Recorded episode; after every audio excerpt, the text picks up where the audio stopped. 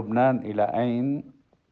سياسيا واقتصاديا على مشارف العام 2023 الصديقات والأصدقاء في ملتقى حوار وعطاء بلا حدود. الصديقات والأصدقاء المتابعون لنا في لبنان وفي مختلف بلاد الاغتراب. نستكمل رحلتنا في سبر آفاق النخب والفعاليات السياسية والاقتصادية والحقوقية والإعلامية والأكاديمية والفكرية والثقافية اللبنانية في محاولاتنا التي كنا قد قمنا بها آه، أو قد ابتدأنا بها منذ حوالي خمسة عشر يوما آه، حيث أرسلنا كما تعلمون آه، ستة أو سبعة أسئلة تتعلق بالأوضاع السياسية والاقتصادية الحالية آه، في لبنان وكيفية أو إمكانيات أن يقدر تقدر القوى السياسية اللبنانية والكتل النيابية الموجودة حاليا على والقوى الحزبية طبعا الموجودة آه، والممسكة بدواء أو بحلقات القرار في لبنان أن تستنبط الحلول المنشودة إن كان سواء كان ذلك على مستوى آه، إيجاد مخرج لمأزق انتخاب رئيس جديد للجمهورية أو على مستوى آه، الحوار الداخلي فيما بينها أو الحاجة إلى حوار خارجي هل هناك إمكانيات لحوار داخلي أم أن الكل ينتظر الصافرة الخارجية التي لن تأتي بحسب ما سمعنا حتى الآن من آراء لأن العالم الخارجي كما فهمنا وكما تقريبا أجمع الخبراء متلهي بأزماته وأن لبنان ليس على أولوياته.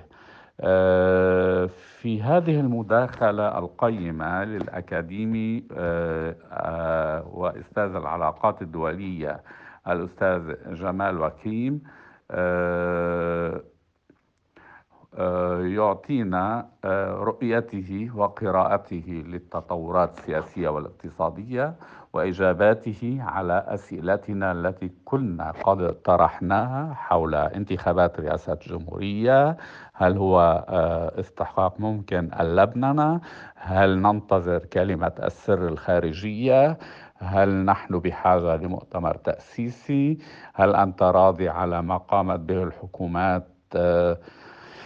التي أتت ما بعد الأزمة أو التي كانت في ما قبل الأزمة آه، في طريقة إدارتها للأمور أو للملفات السياسية المالية والاقتصادية والمالية والنقدية في لبنان آه، ماذا تتوقع؟ بالنسبة لإمكانيات الحلول هل هناك إمكانية لعقد مؤتمر تأسيسي أو حاجة لعقد مؤتمر تأسيسي؟ وأخيرا ما هي الآفاق التي تتوقعها للعام القادم؟ أكان على المستوى السياسي أو المستوى الخارجي؟ ولمن لا يعرف الدكتور وكيم آه، فهو آه، ابن النائب السابق نجاح وكيم المعروف بمعارضته الشديدة للطبقة الحاكمة وقوفه آه، سدا منيعا أمام آه، السياسات الحريري الاقتصادية للحريرية السياسية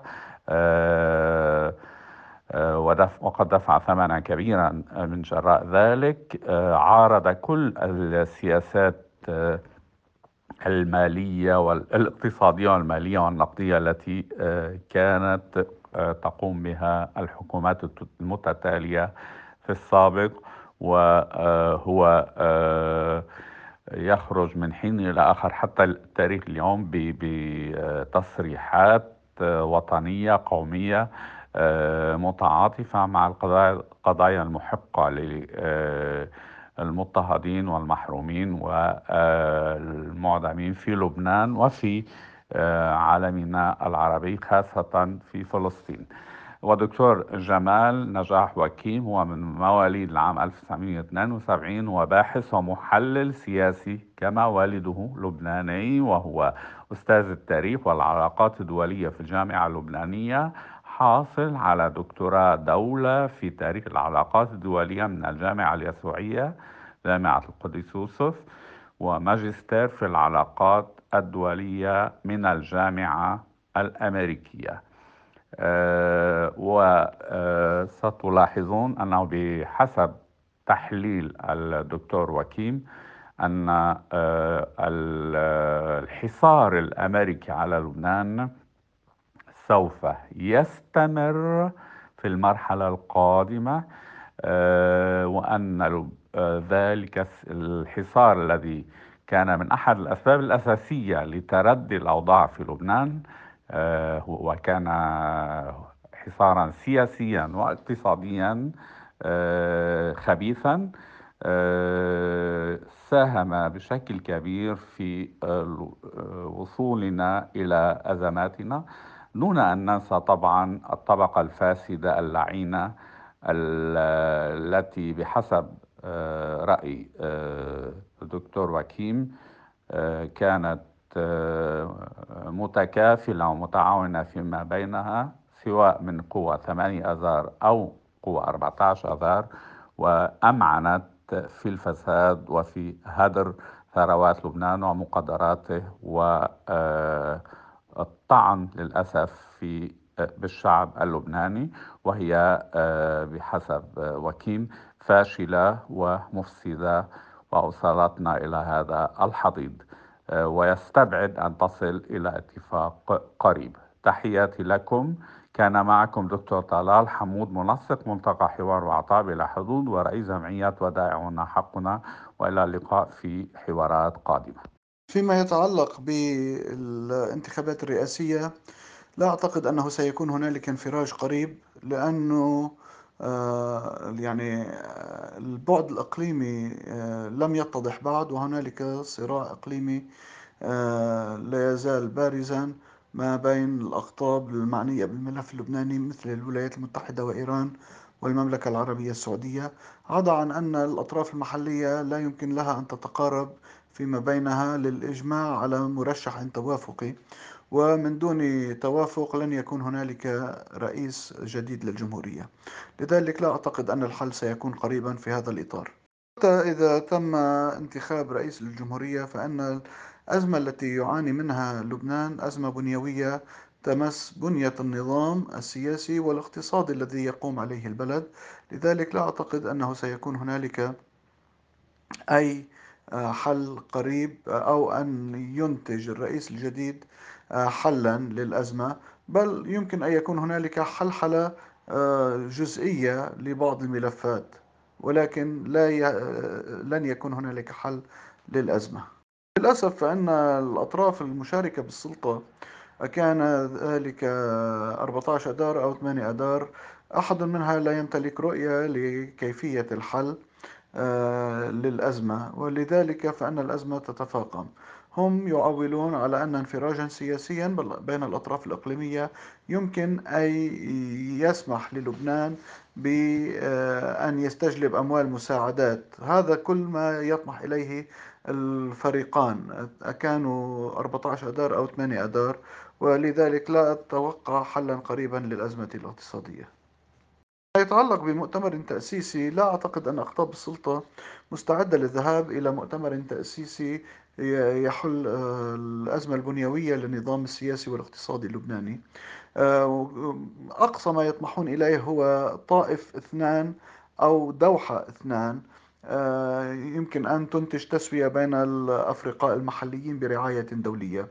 ولكن عندما نتحدث عن مؤتمر تأسيسي يجب أن نتحدث عن إعادة صياغة النظام السياسي اللبناني والنظام الاقتصادي اللبناني. ولا أعتقد أن قوى السلطة آه، هي في صدد القيام بهذا الأمر عدا عن أن القوى التي تطرح نفسها بديلا عن السلطة هي إما ضعيفة أو مفككة أو إنها تابعة لبعض آه، قوى السلطة.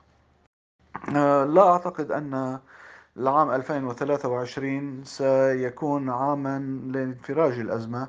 يمكن إذا حدثت آه، حلحلة جزئية بين الأطراف الإقليمية أن يكون هنالك حلحلة للملفات المحلية. ولكن حتى الآن فإن العام 2023 سيشهد تصعيدا من قبل الولايات المتحدة التي ستحاول إدارة آه، بايدن أن تستفيد من آخر سنة لها في الحكم قبل بدء الحملات الانتخابية الرئاسية للتصعيد في وجه خصومها وليس هنالك من مشروع لإنتاج حل في هذا الإطار. ولذلك فإن هذا سيؤدي إلى تفاقم الأوضاع إقليميا وهذا سينعكس محليا على وضعنا في لبنان.